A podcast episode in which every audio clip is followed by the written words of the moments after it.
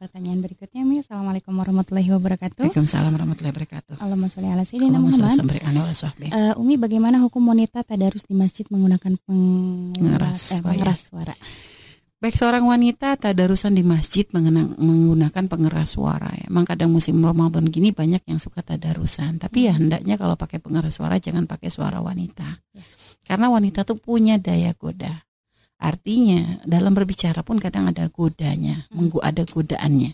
Apalagi ini adalah untuk membaca Al-Quran yang orang itu disunahkan untuk mendengarkan. Hmm maka yang paling bagus yang maka hendaknya perempuan menghindari hal ini. Hmm. Kalaupun memang harus pakai pengeras suara, pakai pengeras yang tidak keluar dari ruangan.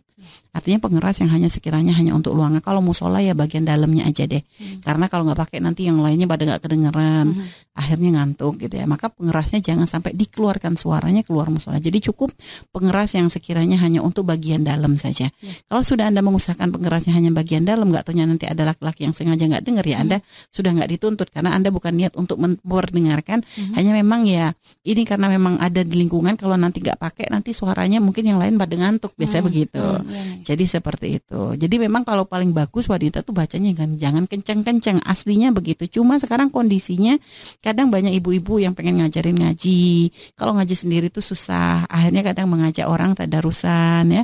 Istilah yang dipakai di Indonesia untuk ngaji bareng-bareng itu kan tadarusan gitu ya. Walaupun itu istilah itu nggak ketemu juga dalam bahasa Arab itu. Cuma memang dipakai gitu kan. Artinya ngaji bareng-bareng hmm. karena kalau nggak begitu males nih baru megang Quran godaannya banyak. Hmm. Tapi kalau bareng-bareng tuh asik ya sudah. Cuma pakai pengeras suaranya diusahakan pengeras yang nggak sampai ke mana-mana. Hmm. Jadi cukup yang hanya didengar oleh ibu-ibu yang ikut bergabung di situ. Kalau cuma ibu-ibunya cuma dua tiga ya nggak usah baca pakai pengeras.